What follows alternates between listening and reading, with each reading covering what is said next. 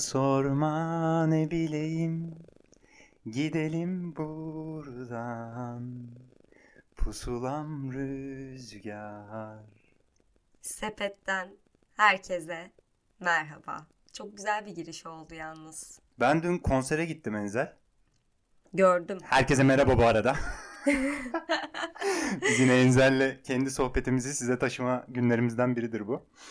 Ee, konserde böyle iki tane Melike Şahin vardı. hani Ama bir tane gerçekten öyleymiş bir tane ya. dinlemeye gittik biz. Hani e, verdiğimiz bilet parasını değdi yani. Biletler çok pahalı biliyorsun. Hani bayağı Yanlışlıkla Melike Şahin evden iki kere çıkıp gelmiş büyük bir Evet. ihtimal konsere. Evet, kredi çektik zaten arkadaşlarla beraber. Hem bu film ekim biletlerini almak için hem de işte konser etkinlikleri biletlerini almak için gittik. gittik konsere. İki tane Melike Şahin çıktı bir anda bu yeni mükemmel şarkıda Pusulam Rüzgar. Ben bir de hiç tarzım değildir dinlemem böyle şarkıları. Melike Şahin'in hani tarzı da böyle çok dinlediğim bir müzik türü değil aslında ama böyle a- yani aşkla, şevkle, hüzünle, kalbimde bin bir tane hançerle ayrıldım. Ama tam bilek kesici playlist şarkısı yani yerelde. Evet. Melike Şahin. Evet. Ben de çok hani kendisini aşırı dinlemem ama bazen böyle hoş geliyor insana yani dinletiyor kendini. Yolu açık olsun. İnşallah Türkiye'nin unutulmaz müzisyenler arasında yerini alır. Ha bu arada çocuğu da Melike Şahin deyip geçmeyelim. Mert Demir'e de buradan sevgilerimi iletiyorum. Çok sıkı Ay, bir evet, takipçimiz yalnız. biliyor musun? Mert Demir bizim sıkı takipçimiz mi? Hı hı. Her, her bölümden sonra yazar bana.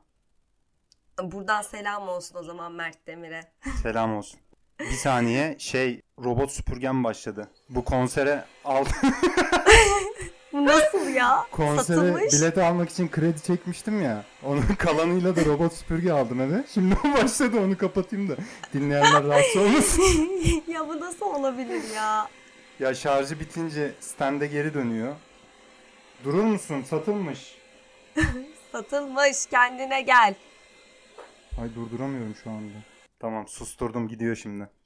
Küçük küçük tekerlekleriyle standına geri dönüyor. Yani bize yakışır bir açılış oldu. Bence de. Tertemiz. Ben unutmuşum ya robot süpürgeyi başlattığımı. Çok özür dilerim herkesten. Biz geçen bölüm e, ikinci sezonun ilk bölümünü çektik aslında. Ama hiç bundan bahsetmedik ya. Hadi bir zilimizle kutlayalım şunu. Ah inanmıyorum zili getirmişsin. Evet bu Şaşırtıcı. kez, bu kez bir daha çal. Sepet be, ikinci sezona geldi arkadaşlar. İkinci sezonu bulamayan bir sürü dizi var. Sepet'in gelmesi güzel bir şey bence. Tabii canım. Ne sanıyorsunuz? 29 bölüm ya. 29. Evet. bölümün içindeyiz şu an. Evet 7. bölümden Ee, sonra final yapan bir sürü dizi var. Biz buralara kadar geldik yani daha ne yapalım? Helal olsun bize be. Helal olsun be. Biraz kendimizi övelim be. O zaman girişi yapıyorum ben artık programa Yap bakalım. yavaştan. Yap bakalım. Gelsin zil. Biz yine dedik ki dizileri konuştuk bir de filmleri konuşalım neler izledik diye. Sonra dedik ki tabii ki bütün yaz izlediğimiz şeyleri insanlara gelip burada anlatmayalım. Yine en son ne izlediysek onu konuşalım. Hafta sonu da herkes gibi biz de gittik No Time to Die filmini izledik. Herkes Zaten gitti 2000 mi No Time to Die'yi izlemeye? Bence gitmiştir ya. Ay gitmeyenler de hadi kapatın hadi. hadi hoşçakalın. Salonda seriyi böyle e, 80'lerden beri takip eden bir sürü yaşlı insan vardı. Bu Daniel Craig'li son film. 5 tane Daniel Craig'li film var zaten. Ee, James Bond'a 5 kere hayat verdi Daniel Craig. Filmin yönetmeni Kerry Fukunaga. E, Fukunaga'yı da biz Tur Dedektif'in ilk sezonundan tanıyoruz. Oyuncu kadrosu da oldukça geniş bu filmin. Tabii ki başrolümüzde Daniel Craig var. Ona eşlik eden Lea Seydoux var. Onun dışında da e, kötü adam karakteri Rami Malek var. Maalesef. Ana da- Maalesef oraya geleceğiz biraz sonra. E, Christoph Waltz var, Ralph Fiennes var, Ana de Armas var, Lashana Lynch gibi bir sürü oyuncu var oyuncu kadrosunda. E, film bir önceki film olan Spectre'ın kalıntılarıyla devam ediyor aslında hikayesi. Lea Seydoun'un hayat verdiği e, Madeline karakterinin çocukluğuna giderek hikaye boyutlandırıyorlar giriş için. Emekliliğe ayrılan James Bond da yine dünyayı kurtarmak için geri dönüyor Yani hikayemiz bu aslında. E, filmin girişinde böyle biraz İskandinav e, gerilim filmleri gibi bir hava var. Normalde James Bond filmlerinin girişi böyle ilk sekanstan itibaren bir aksiyonla başlar. Bu filmde öyle olmuyor tam olarak. Biraz böyle gerilim e, şey tonu daha yüksek başlıyor. E, sonrasında bu geçmişten günümüze döndüğümüzde e, İtalya'daki kasabada aksiyon kısmı başlıyor filmin. Sonra da şahane bir e, jenerikle filme bir ara veriyoruz. Orada bir nefes alıyoruz. Muhteşem bir jenerikle. Billie Eilish'in zaten şarkısını çok daha önceden dinlemiştik. Film biliyorsunuz 2020 Nisan'da çıkacaktı. Bu zamanlara kaldı zaten. Gerçekten, Şarkıyı eskittik yani film çıkmadan. Gerçekten tüm tasarımı harikaydı ya jeneriğin. Bayıldım yani. Ben de bayıldım. Casino Royale filmini izledim. Jeneriğe baktım şöyle bir. Yani nerelere gelmiş ya gerçekten. 10 numara 5 yıldız bu jenerik.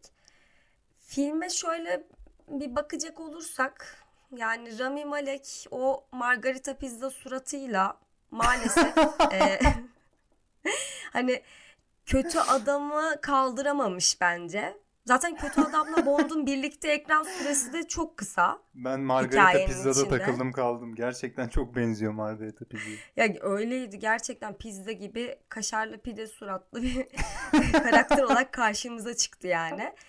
Normalde şimdi James Bond filminden iyi kötü çatışması beklersin ya. Burada kuvvetli bir iyi kötü çatışması yok filmin içinde. Çünkü kötü adam hiç güçlü bir karakter değil bence ve hani kötü adamın kötü olduğunu biz izleyerek değil daha çok Rami Malek'ten dinleyerek falan öğrenmek zorunda kalıyoruz. Gayet de hani kötülerin hikayesi de verilebilir söyletmeden de ama bunu film başaramıyor bence o anlamda. Buna rağmen hani kötü iyi çatışması kuvvetli olmamasına rağmen ve duygusal tonu daha yüksek olmasına rağmen filmin 2 saat 43 dakika ve sıkılmadan izleyebiliyorsun. Bu da çok ilginç bir şey bence. Aksiyon bekleyerek gittim ben. Ve aksiyon tamam var ama belli bir yerden sonra aslında tonu da çok şey değil ya. Böyle yüksek tonlarda değil ya. Bir duygusal dünyasına iniyoruz aslında James Bond'un. Hı hı. Ona rağmen bence film sürüklüyor. Bunda bir sıkıntı yok. Hani o iyi kötü çatışması zaten tamamen seyirciye bırakılmış. Hani sen hayal edip kurgulayıp devam ettiriyorsun. Ben hiç öyle filmin sana gösterdiği bir şey görmedim açıkçası. Hani sen ne düşünüyorsun bilmiyorum. Önce şu iyi kötü meselesinden bahsettin ya sen. Burada filmin içinde de zaten bir karaktere söyletmişler onu. Biraz daha hani günümüzde tam iyi tam kötü karakterler artık kalmamaya başladı ya. Ya da bunların tamamen birbirinin zıttı olma durumu. Ee, bir aksiyon filminde bile olsa burada villainlarla hero'ların iç içe geçtiği bir ton tutturmaya çalışmışlar. Tabii ne kadar başarabildikleri tartışılır. Ama yer yer James Bond'un da aslında e, bir karakter olarak yani sinema dünyasında nereye oturduğu ve işte ne kadar iyi olduğu ne kadar kötü olduğuna dair bir takım bölümleri de var filmin. Bu soruları soran yani en azından. Ya soruyor da bu filmin ana şeyi gerçekten James Bond gider dünyayı kurtarır. Dünyayı kimden kurtaracak? İyi insandan değil tabii ki. Kötü insandan kurtaracak. İşte bu... Yani iyi kötünün keskin bir şekilde verilmesinden bahsetmiyorum ben. Anladım. Ya kötü ne demek taraf istediğini. ve iyi taraf olmak zorunda bu ama filmin içinde. bu filmde Sen evet öyle... evet kesinlikle katılıyorum ama demek istediğim şu biraz Daniel Craig'in de son filmi olduğu için biraz daha böyle onun içindeki aslında boşluğa, hayata dair hiçbir şey tutunacak hiçbir yanının olmamasına ve bunu bu tutunacak noktaları bulamadığı için, bir tutkusu olmadığı için hayata karşı en iyi yaptığı işi yaparak işte insanları öldürmeye devam ettiğine dair bir anlatı sunuyor aslında film bize. En sonunda yani en sonunda baktığımızda. Hani biraz daha o karakterin de kendi iç çatışmalarıyla böyle ilişkilendiği için bana e, senaryosu ne bileyim standart bir işte Hollywood'da izlediğimiz aksiyon filmlerine göre daha pozitifim yani senaryoya karşı. Onu demek istiyorum sadece. Daniel Craig'in hayat verdiği karaktere nasıl hani sonlandırabiliriz diye düşünülmüş. Ve bu düşünülürken de ana hani o James Bond filmlerinin e, dinamiği olan kısım bence göz ardı edilmiş. Ama bu da son filmi olduğu için seyirci de hani bunu e, sineye çekebilir mi? E, gayet çekersin. Sıkıntı yok yani dediğim gibi. Sıkılmadan izledim ama öteki türlü baktığın zaman ya burada zaten Rami Malek bence aşırı başarısız tercih. Hı hı. Çünkü hem yaş olarak uymuyor. Hı hı. Yani Allah aşkına e, Lea Seydoun'un küçükken gördüğü bir adamın yani kendinden en az bence 7-8 hatta 10 yaş büyük bir adam yani orada gördüğü. Hı hı. Yani Rami Malek olma ihtimali var mı ya? Siz bir de yaşlandırmaya falan çalışmışsınız. Dediğim gibi işte suratı pizzaya çevirmişsiniz. Hani olmuyor yani. Olmamış zaten. Ben buna takıldım sadece. Katılıyorum Yoksa hani hocam. Değişen bir yapıda hikaye anlatmaya çalışıyor, çalışmıyor. Bunun başarısı falan bence şu an hani kimse bunun arkasına sığınamaz yani bu filmde. Mesela Daniel Craig'in Christopher Waltz'la da Christopher Waltz da aslında bir villain karakterdi yani hikayedeki. Ee, onunla da bir sahnesi var ama orada resmen akıyor. inanılmaz e, o hissiyatı geçiriyor bize yani ne yaşadıklarını geçmişlerine dair karakterlerin. Gerçekten oyunculukla ilgili bir problem var yani ciddi ciddi. Hani e, ben bunun Tabii sadece e, filmin tasarımıyla ya da senaryosuyla alakalı olduğunu düşünmüyorum. Onu demek istiyorum yani. Rami Malek'in performansı hani bundan önce bir filmi daha vardı bu yıl çıkan. Yine The bir Little Things değil Ha, mi? The Little Things'teki mesela oynadığı dedektifle buradaki oynadığı villain arasında e, suratındaki margarita pizza dışında gerçekten bir fark var mı bilemiyorum. Bence de yok. Çok Mesela tekrar ilk ediyor kendini. de e, baktığın zaman ilk filmde de kötü adam mesela Matt Mikkelsen. işte Skyfall'da da yanlış hatırlamıyorsam Javier Bardem'de değil mi kötü adam? Ya burada işte mesela Christoph Waltz falan var. Rami Malek ya olmamış hiçbir şekilde tutmuyor Hı hı. yani. Katılıyorum O yüzden Ama o şey kısmı e, çöp Evet. filmin bence. evet çöp demeyelim de vasat bayağı vasat kalıyor yani filmin diğer bölümlerine göre. E, şeye katılıyorum. James Bond'un Daniel Craig'in oynadığı son e, canlandırma olduğu için bir böyle bir senaryoyu biraz daha aslında o drama tarafı çok daha yoğundu yani aksiyon bölümlerine göre. Ama bu şey yapmıyor yani. Aksiyonun olmaması filmin işlemediği anlamına gelmiyor. Ben yine hani e, çok iyi işlediğini düşündüm ki James Bond filminde mesela gözlerimin dolacağını ve neredeyse bir pıt yaş bırakacağımı orada koltuğun üzerine düşünmezdim. Ama Arkadaşlar e, ben ağladım. evet. Finali biraz etkileyiciydi yani. Climax Gerçekten. noktası gerçekten çok iyi çekilmiş, çok iyi ben de oynanmış. işledi yani. Bende de işledi. Güzeldi yani. Ya genel olarak da filmi çok beğendim yani. Hani bir e, işte Hollywood filmi, büyük bütçeli. E, zaten sinemalarda da damgasını vurdu galiba. Amerika'da gösterime girip 100 milyon dolar bandını aşan ilk film oldu değil mi? Ki Çin'i Çin seyircisine eklemeden. Evet evet. Ha, onu demek istedim Amerika'da derken. Bu arada bununla beraber ben şunu da ekleyeyim yani. Bundan önce Shang-Chi ve The Legend of the Ten Rings diye bir filmi çıktı Marvel'ın. Böyle e, yine şeyden bu sefer Çin'deki bir karaktere odaklandığı. Onu da e, Marvel onu da Avengers'a herhalde katacaklar. O filmi de mesela Marvel'ın genel diğer filmlerinin e, yapısına göre çok daha başarılı buldum yani senaryosunu. Yine çok daha sinema sinemanın Hele şükür evet bir 20 şey yılda anca öğreniyorlar böyle şeyleri Evet, yapmayı. Sinemanın böyle geleneksel dinamikleriyle o e, Marvel'ın işte yenilikçi dünyasını daha iyi birbirinin içine geçirmişler. Hani bu filmde de benzer bir duygu aldım. Tabii bu filmin e, drama yönü hem oyunculuklarıyla hem de senaryosuyla çok daha kuvvetli yani Shang-Chi'ye göre öyle söyleyeyim. Bu arada filmdeki kadınlar da aşırı başarılı. Mesela işte Lea Seydoun'un k- karakteri gayet hani filmin içinde parlıyor. Gayet güzel. Nomi karakteri 007 yeni 007 olan. Onunla mesela James Bond arasındaki e, tatlış böyle bir şey de var. Çiğ kalmamış yani uyumlu Hı hı. kalmışlar iş konusunda. E, zaten yani Ana de Armas ben daha uzun e, sahnesi var diye düşünüyordum. Oldukça kısa süreli sahnede kalıyor ve ama böyle sempatiyi de bizim gönlümüzü de çalıp gidiyor yani. Ben ne bileyim öyle kırmızı halılarda boy gösteriyor güzel güzel elbiselerle dedim herhalde filmde bayağı bir sahiplenici şey rolde falan sandım. Hiç de öyle değilmiş. Hı hı. Ama minnoş bir etki yarattı yani üzerimizde. Zaten James Bond'un bence dünyasında kadınların artık hikaye dahil edi- edilişi de farklılaşmaya başladı. Ee, bu senaryoda senaryoyu mesela birazcık daha e, etkili kılması için Phoebe ile anlaştılar mesela Hı hı. ve onun etkisi de gayet E, yani şey çok keskin değil ama böyle hoş Ama dokunuşları yeni olduğu yeni belli. yeni 007'de mesela bariz etkisi olduğu çok belli onun metninde. Tam Evet. böyle Phoebe'nin o ruhunu hissediyorsun yani. Hem Killing Eve'deki o ilk sezonundaki duygu hem de e, Fleabag'deki duyguyu geçiriyor bir şekilde sana. Bu arada filmin görüntüleri de oldukça iyi. Yani aksiyon sahneleri gayet tertemiz gözüküyor. Hiç böyle katmat olup olmadığına dair gözüne çarpan bir şey olmuyor yani ki görüntü yönetmeni de Linus Sandgren diye bir görüntü yönetmeni. La La Land'in görüntü yönetmeni bu arada. Hı hı. Gayet başarılı bir iş çıkmış. Yani kurguyu da o yapmış galiba.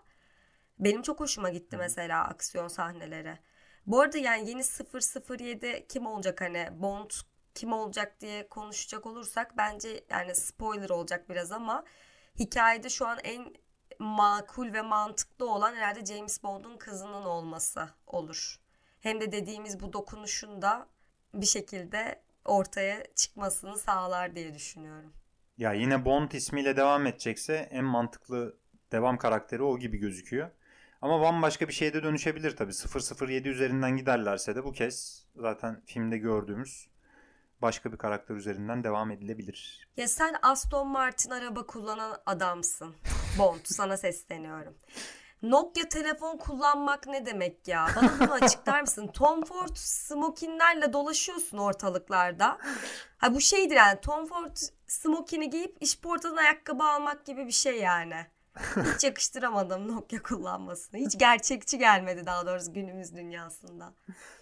Biraz onun Bu nostaljisini ayrıntıyı de söylemeseydim hani ben dikkat etmemiştim. Nostaljisini de biraz harmanlamışlar işte ya. No Time to Die'ya kaç puan veriyorsun Mami? Ben 3 ile 3.5 arasında bir yerdeyim. Hani tam net değil. Ama şey de var tabii. Şunu da söylemek lazım. Özellikle e, bu Rami Malek'le karşılaştıkları andan itibaren senaryoda böyle insanın içine sinmeyen bir takım mantık hataları oluyor. Ve bunlar e, biraz böyle o filmin bıraktığı etkiyi düşürüyor yani. Sorgulatmaya başlıyor insanın düşünce düzlemini harekete geçiriyor hemen. Rami Malek'in oynadığı karakterin Safin ismi. Onun e, bazı davranışlarını anlamak pek mümkün değil yani. Neden yaptığını ya da neden yapmadığını bazı şeyleri saçma olduğu çok fazla yer var. Ben de 3 verdim bu arada 5 üzerinden. Ama dediğin gibi normalde tertemiz bir film yani. 3 3,5 arası bir yerde benim için de. Ama 3 verip uğurladım ben. Yapacak bir şey yok. Ama Helal hoş olsun. ağladım da. Ağlayarak uğurladım. Zaten jeneriği 2 yıldız Enzel. Bir yıldız da Aynen. ben şeye verdim. Phoebe'nin yazar kadrosunda olmasına. Yarım böyle çeyrek yıldız gibi de işte Onu da filmin Daniel'a kendisine ver bari. Ha? Ayıptır ya. Adam 5 filmdir üstleniyor bu rolü. Ben Ona kişisel, verelim şahsen bari. hiç sevmem kendisini. O yüzden e, ona bir şey vermeyeceğim. Geri kalan bir buçuk yıldız, 1.75 yıldızı da Rami Malek'ten kırdım zaten. Ay açma o konuyu. Yollayalım bu filmi artık. Yollayalım. Vallahi sinirleniyorum. Bas dile o zaman. Bir başka izlediğimiz, izleme fırsatı edindiğimiz film de The Power of the Dog. Yönetmen Jane Campion'ın filmi. En son 2009'da bir filmiyle buluşmuştuk Jane Campion'ın Bright Star. Ondan sonra da 2013 yılında Top of the Lake dizisiyle gördük kendisini. Sonra yaptığı herhangi bir iş olmadı. Ee, ve ardından bu film geldi. Filmin başrolünde asla sevmediğim Benedict Cumberbatch e, yer alıyor. Bugün sevmediğimiz oyunculardan da- devam ediyoruz. evet maalesef. Onun dışında da Kristen Dunst, e, Jesse Plemons, e, Cody Smith, McPhee yer alıyor. Zaten küçük bir dünyası olan film. E, kısaca özetlemek gerekirse de Montana'da büyük bir çiftliğin sahibi olan e, Phil ve George adında iki kardeşin hayatına odaklanıyor. Ama bu hikayeyi şöyle geliştiriyor film. George, Rose diye bir e, kadınla kardeşi Phil'e söylemeden gizlice evleniyor. E, bunu duyan Phil de bunu kaldıramıyor ve e, Rose ve oğlu çiftliğe geldikten sonra onları oradan göndermek için elinden geleni yapıyor ve böyle bir mücadele başlatıyor kendi dünyasında. Bu bir romandan uyarlama. E, filmde, kitapta adını İncil'deki bir bölümden alıyor. yazın izlediğim filmler arasında en beğendiğim film bu oldu. Yani Sepet'in birinci sezonu ile ikinci sezonu arasında gerçekten böyle bir star gibi parlıyor. Ama şöyle ya film üzerine konuşulacak çok bir şey yok aslında. Sen konusunu özetledin ya. Şimdi ben bir iki cümle daha etsem mesela filmin tüm hikayesini anlatabilirim. E ve mesele evet, filmi, gerçekten öyle. filmi sevme sebebim de bu zaten. Film aslında çok kısa böyle bir oturuşta 2-3 cümleyle anlatabileceğimiz bir hikayeyi tamamen sinema medyumunu o kadar iyi kullanarak tamamen o sanata resmen böyle bir saygı duruşu gibi e, müthiş bir yönetmenlik ve müthiş bir yazarlık başarısıyla aslında bir gizemin üstünü böyle sarmalanmış bir gizem düşünelim yani. Onun üstünü ufak ufak soyarak soyarak finale kadar en sonunda bize öyle bir güçlü bir etkiyle o, o gizemin neden kaynaklandığını böyle bırakıyor ki üstümüze. Ee, üzerine ne düşüneceğimizi, ne hissedeceğimizi bilemiyoruz yani. Hem e, kendi kurduğu matematiği üzerine ne düşüneceğimizi bilemiyoruz. Hem de bıraktığı hislere dair ne hissedeceğimizi bilemiyoruz. Evet hem öyle hem de şey yani aslında başlayıp biten filmlerden yani sizden ne böyle akıl oyununu çözmenizi istiyor ne zamanda yolculuk yapmanızı talep ediyor. Lineer çizgide ilerleyen bir olayı tanıklık ediyorsunuz ve tanıklık halinde koruyorsunuz izlerken. Hı hı. Benim de hoşuma giden şey o oldu. Kesinlikle. Hani bir kadın yönetmenin gözünden erkek hikayesi izledik bir kere. Hı hı. Zaten film aslında şey yani western tarzı hani iki kardeş hikayesi deyince çok yakın zamanda izlediğim The Sisters Brothers filmi geliyor aklıma. Hı hı. O filmde de iki kardeş arasındaki e, farklar üzerinden ilerliyordu ama e, bunun üzerinden sürekli çatışma kurup e, baskın olan konu bu oluyordu hani işlenen şey. Bu filmin öyle bir kaygısı yok. Hani iki kardeş arasındaki çatışmadan ziyade filin dünyasını yani Benedict Cumberbatch'in e, canlandırdığı karakterin dünyasını görüyoruz. Hı hı. Hani daha çok onu izliyoruz. Bunu yaparken de gerçekten hani karakterlerin o dışarıda gördüğünden tutun dokunduğuna kadar yani etrafındaki tüm atmosfere odaklanarak böyle kahramanların zihnine girmeyi hani başarmış Jane Campion aynı şeyi seyirciye de arkasından sürükletip yaptırıyor Kesinlikle. yani. Ve dediğin gibi çok küçük bir dünyası var aslında filmin ama inanılmaz büyük bir görsel dünyası da var bunun yanında. Yani hikaye ya hikayesine zaten... dair çok küçük hikayesi gerçekten çok küçük bir dünyaya sahip hikayesi ama e, karakterlerin taşıdıkları gerilimler, onların duygu durumları ve onların e, sinemayla aktarılışı inanılmaz büyük bir çerçeveden inanılmaz böyle ahenkli bir şekilde e, yapıldığı için bu kadar etkiliyor. Zaten Venedik'te de en iyi yönetmeni almıştı galiba değil mi bu film? Evet. Ya ben bu yönetmenin şu şeyini seviyorum. Yani yaptığı işlerde, filmlerde böyle o dış dünyayı ve çevreyi karakterin psikolojik durumunu hem yansıtan hem de besleyen şekilde e, veriyor sana. Ve sen de bunu hissediyorsun. O hani küçük film diyoruz ya küçük film nasıl bu kadar etkileyebiliyor? bence tamamen bunu yansıtabilip hem de bununla kendini besleyebilmesinden dolayı diye düşünüyorum. Ben bir de dönem işlerini zaten çok seviyorum.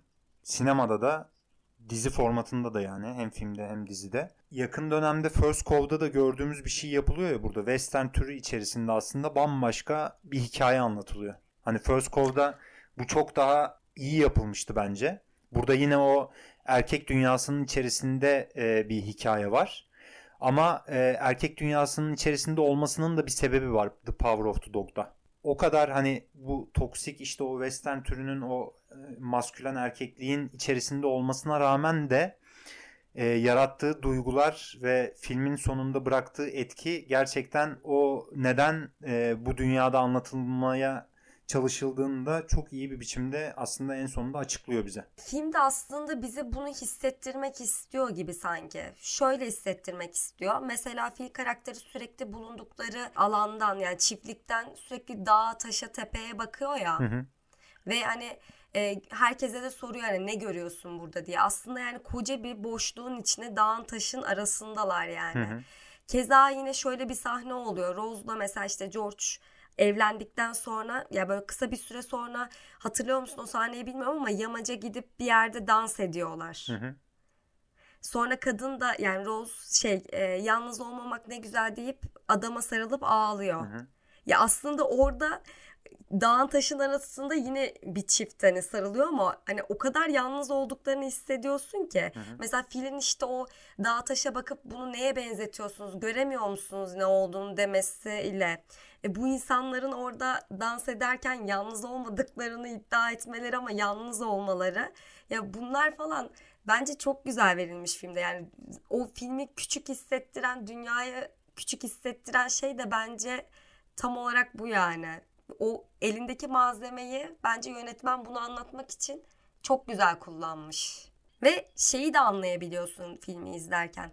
Bu insanlar neden işte birbirlerine, ailelerine ya da toplumsal kodlara işte ya da arzularına neden bağlı kalıyorlar. Ama dolaylı bir şekilde film sana bunu veriyor hani. Çok yalnızlar dedim dedim ama gerçekten film aynı zamanda kendini yalnızlaştırmak da istiyor. Atıyorum insanlar ona yanaşmasın diye hayvanlara gidip dokunuyor dokunuyor haşır neşir oluyor ve duş almıyor.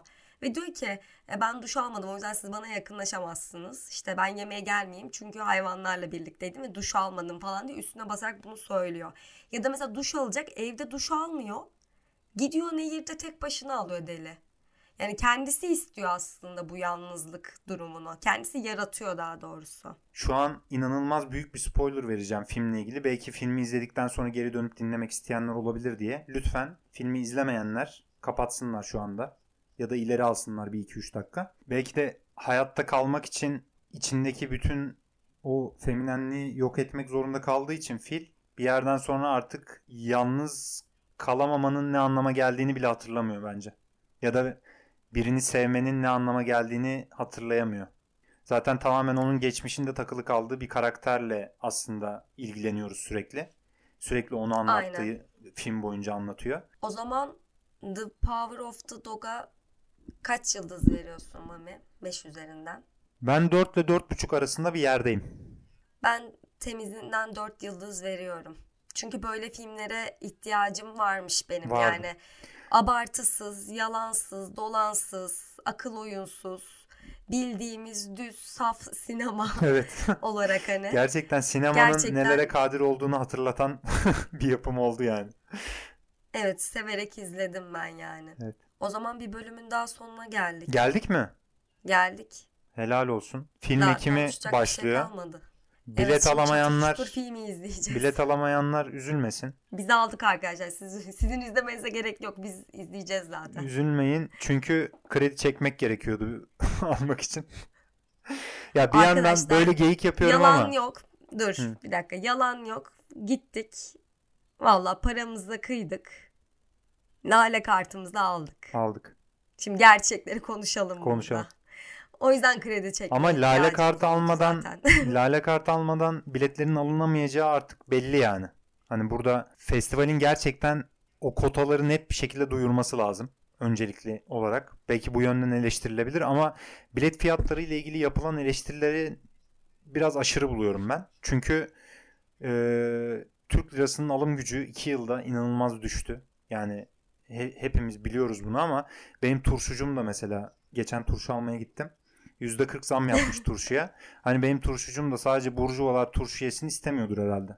Müşterisini müşterisini kaybetmek istemez yani. Hani festivalin yapamadığı ya da o ekibin işte yönetemediği belli şeyler vardır. Ama biraz böyle işin bu boyutu da var yani. Öfkemizi yönlendireceğimiz yer konusunda e, kafam biraz karışıyor benim. Evet benim de yönlendirilecek kısımla ilgili bence insanların tutarsız hareketleri olduğunu düşünüyorum. Ama işte öte yandan Evet. iktidara da öfkeyi yönlendiremediğimiz için hani böyle bir müthiş bir siniklik. Birbirimize Evet, yönlendiriyoruz. müthiş bir siniklik olduğu için şu an seçim dışında da e, bir aksiyon kalmadığı için demokrasi anlamında e, ya da fikir özgürlüğü anlamında böyle hani film ekiminin bence saldırılacak en son kurumlardan biri yani şu pozisyonda. Bu dönemde öğrenci olanlara gerçekten çok üzülüyorum bak.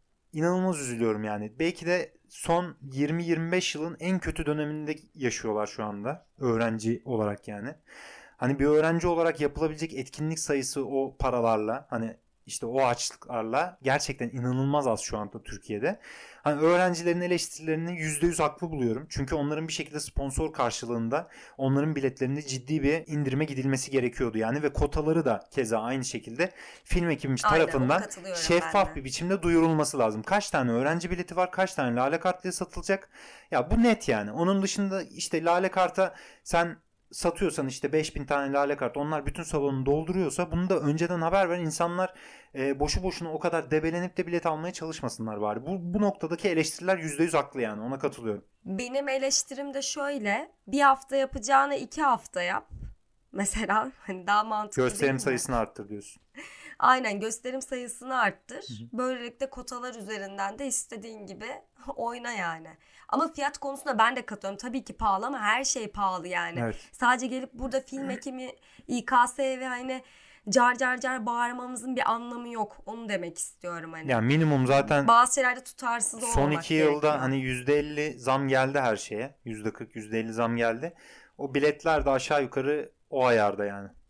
Neyse ne olacak sonumuz deyip Ya ben bu arada şeyi de e, bu tip festivalleri düzenleyen ya da burada film ekiminde çalışanların para kazanmasını e, tercih ederim mesela biletlerin fiyatlarının düşük olup da e, orada işte bir takım fedakarlıklar yapılacağını bu sektörde çalışan insanların gerçekten hakkını alarak yaşamalarını tercih ederim yani. herkesin hakkını aldığı daha güzel bir dünya için. Kesinlikle. Hoşçakalın. Hoşçakalın.